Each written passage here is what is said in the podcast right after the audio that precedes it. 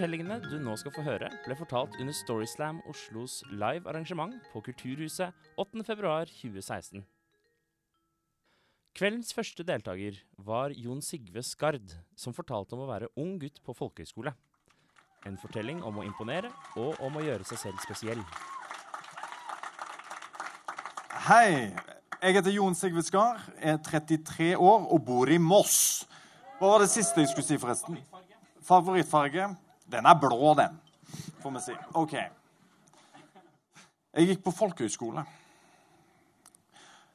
Og For å gjøre meg litt interessant og komme litt i sentrum, så fortalte jeg de jeg gikk med, at min mor skulle feire 50-årsdagen sin om noen uker. Men den kuleste fyren som gikk der, han stjal glansen min, for han kunne nemlig fortelle at han hadde gjort noe ganske så spektakulært i sin mors 50-årsdag. Han hadde reist seg, og så hadde han plinga i glasset. Var 40 slektninger i rommet. Alle holdt kjeft, så rett på han. Han hadde sett rett på sin mor, og så hadde han sagt, 'Mamma, jeg elsker deg.' Moren hadde krabba over bordet, så tallerkener og suppeskåler hadde deisa i gulvet. Gråten hadde kasta seg rundt halsen hans og bare klemt til. Resten av slektningene var helt stumme, og de tenkte jo den familien har fått det til. Har du sett på maken til mor-sønn-relasjonen, da? Vi har noe å lære her, folkens. Og det var jo akkurat det der vi på folkehøyskolen òg tenkte. Alle jentene ville ligge med han. Alle guttene ville være han. Bortsett fra Morten og Christian, for de ville ligge med han. Og jeg bestemte meg der og da at jeg skulle gjøre akkurat det samme i min mors 50-årsdag. For jeg òg ville oppleve den effekten der. Men når jeg tenkte meg om, så kom jeg på at jeg har jo faktisk aldri sagt til mamma at jeg er glad i henne engang. Og når jeg tenkte meg om en gang til, så kom jeg på at jammen ikke hun sagt til meg heller. Og når jeg tenkte meg om en tredje gang, så kom jeg på at ingen i slekten min noensinne hadde sagt at de var glad i noen ting som helst. Det lå liksom ikke i kulturen der. Men jeg hadde fått ny innsikt, og jeg skulle vise vei inn til ny dybde av relasjonskunst. Feiringen skulle holdes i Sandefjord, i villaen til onkel Gjermund og tante Else Karin. Og det som var litt kjipt, var at min familie var den minst vellykka av alle i slekten. Jeg gikk på folkehøyskole for å skrape sammen resten av et selvbilde. Bror min han gikk på Sonans privatgymnas for å ta opp eh, noen fag. Og søstrene mine begge to hadde fått beskjed av fastlegen sin at de måtte bruke sykkelhjelm innendørs òg.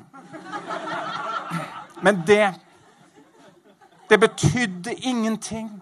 Jeg hadde fått ny innsikt, og snart skulle de andre få merke det. Jeg satt ved siden av fetteren min, Jan Inge, og det brydde meg ingenting at han sa det er medisinstudiet som er hovedgeskjeften. Jusstudiet er mer som en hobby. ja. Uh, ja, ja, forrige uke, ja. Jo, jeg kjøpte en ny fireroms på Frogner. Ålreit sted. Uh, så flott, da, sa jeg. Men uh, hvordan går det med mor-sønn-relasjonen der hjemme? Kanskje litt viktigere, eller? Ja. Det var løs og ledig stemning rundt bordet. Overfladisk, sånn som det alltid var på disse slektsamlingene våre. Og det var vanskelig å finne det der øyeblikket der jeg kunne bare smette inn med mitt viktige, store budskap. Så jeg, måtte, jeg kjente at jeg begynte å bli utålmodig og ivrig. Og etter at onkelen min hadde fortalt om den historien da mamma hadde tissa på seg da hun var liten, så grep jeg sjansen. Jeg reiste meg opp, jeg plinga glasset. Alle holdt kjeft, så rett på meg. Og det var da jeg merka det. En storm grep tak i slektstreet mitt og trua med å rive det opp etter røttene. Jeg hørte lyden og kjente trykket av forfedrene mine som begynte å snu seg i graven. Ga Erkeenglene Gabriel og Mikael steg ned på hver sin side av meg og brølte på latin. Ikke gjør det!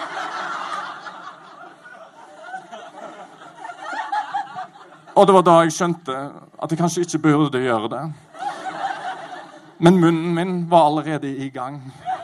Og jeg sa Mam Mamma, jeg, jeg, jeg, elsker deg. Etter reaksjonen å dømme så kunne jeg like gjerne kledd av meg klærne. Bretta til side den ene rumpeballen, pekt på noe der inne og sagt dere tror vel ikke det der er kreft?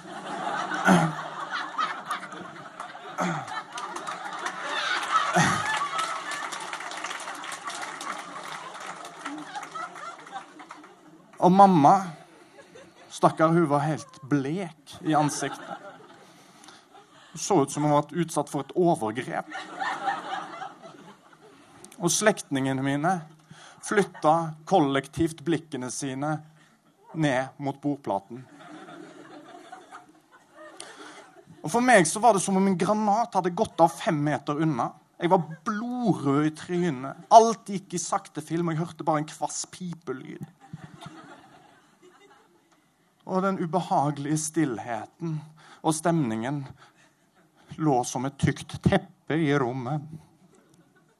Men heldigvis så begynte gradvis småpraten å erobre territorium.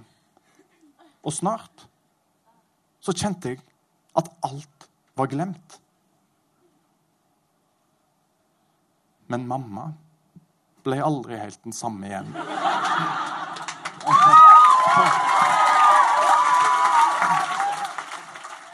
Vi slo av en prat med Jon Sigve etter at han hadde fortalt. Eh, hvor lenge siden er det nå?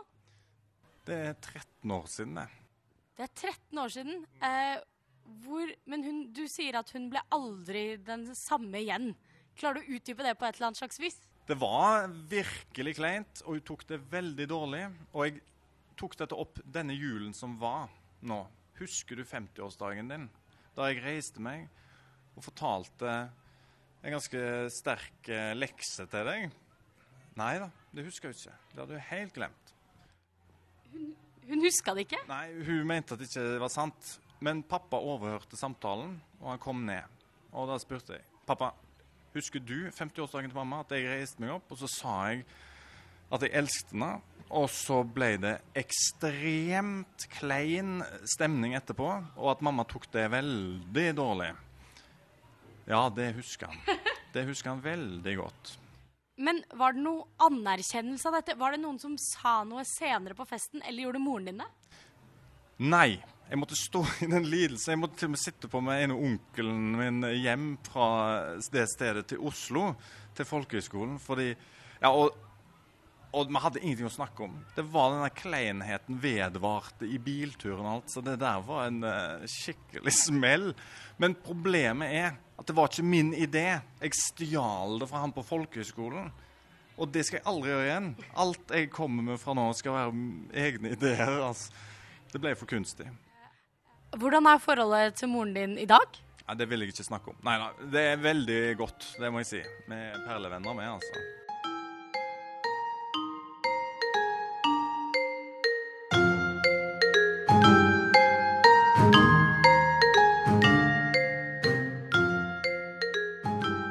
I Storyslam må ikke fortellingene nødvendigvis være morsomme. Og nå skal vi få høre en av kveldens litt mørkere historier. Ingeborg Spjelkavik Rød forteller om et tøft år av hennes liv. Hei! Unnskyld, jeg òg er fra Stavanger. Eh, dere får klare det i ti minutter til. Eh, ja, jeg heter Ingeborg, eh, og jeg er 27 år. Jeg liker rød, for det er mitt etternavn. Eh, rød. Og jeg har en ny navle. Den fikk jeg for akkurat fire år siden. Jeg hadde kommet tilbake til, etter, nei, til Oslo etter juleferie i Stavanger. Det var 2. januar. Meg og min storebror kjørte flyttelasset fra Torshov til Frogner. Og så ringte far. Og far han fortalte meg at tante Hilda var død. Noe som egentlig er ganske naturlig, fordi tante Hilda hun var 98 år. Men så fortalte han meg at tante Hilda var blitt drept. Og det skulle vise seg at tante Hilda var blitt voldtatt og drept. Så var det pressekorps og begravelse. 14. februar, valentinsdagen. Min gudfar, onkel, far sin bror og beste venn dør av kreft. Min beste far har mista sin beste venn. Og det er ny begravelse. Kista den blir senkt ned i jorda, og jeg står hånd i hånd med far. Han klemmer meg hardt.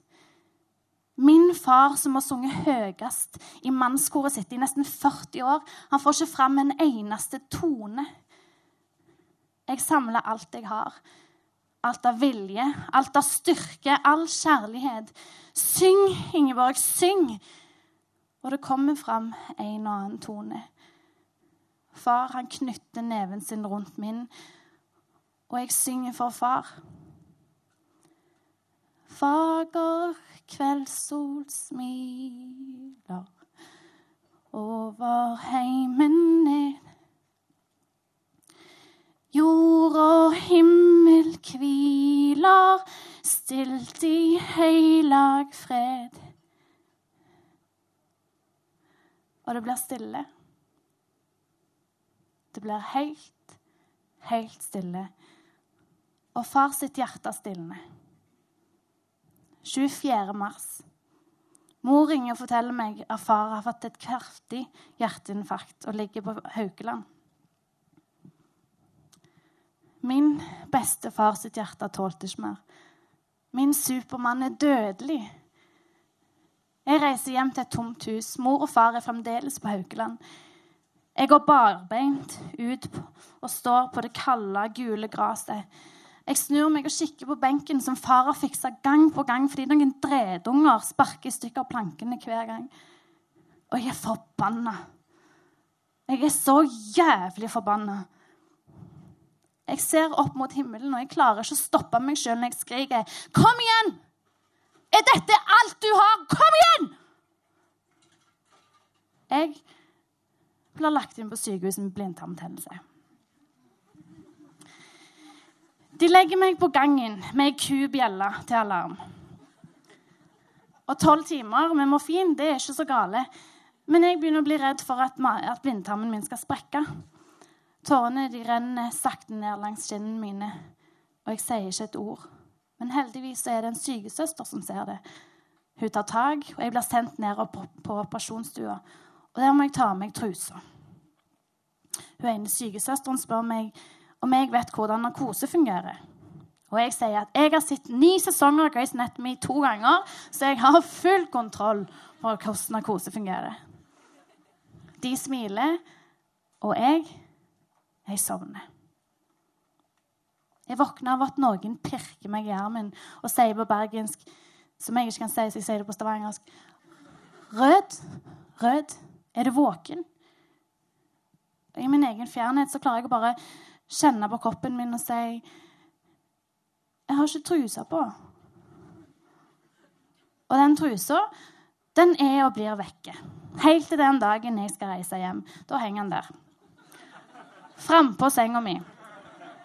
Og det vil si at mine svarte sloggy-truser, som ikke er sånne fine truser, det er bestemor-truser, de har sittet på første rad i hele den uka jeg har blitt trilla rundt på sykehuset. Og da smiler jeg. Jeg smiler hele veien hjem, helt til telefonen ringer igjen. Og stemmen forteller meg at tante Liv er død. Hun har blitt påkjørt av en 20-åring uten lappen. Ja, og da ler jeg. Akkurat sånn som dere. Jeg ler. Jeg ler og tenker at nå må det faen gi seg. Men det gjør seg ikke. Ikke etter, før etter den siste samtalen den siste begravelsen, hvor mine brødre begraver faren sin. Jeg ser mine små, nydelige tantebarn tørke tårer som ikke fins. De ser på sin pappa som tørker tårer som aldri slutter. Nevøen min kommer og setter seg på fanget mitt. Han lener hodet sitt inntil skulderen min, puster ut og slipper alt. Han løfter så vidt på hodet og hvisker inn i øret mitt. Tante, jeg vet at jeg kan vekke farfar. Jeg vet at jeg kan. Og jeg skjønner at alt er nytt. Familien min er ny. Verdenen min er ny. Og jeg Jeg har en ny navle. Takk.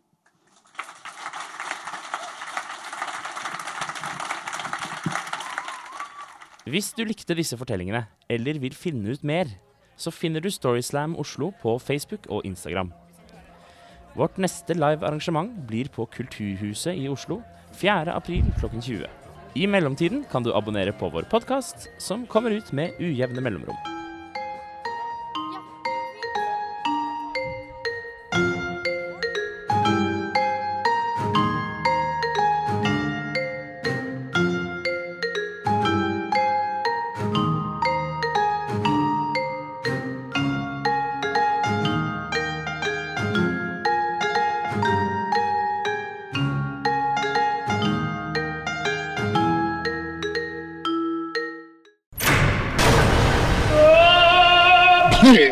Monster.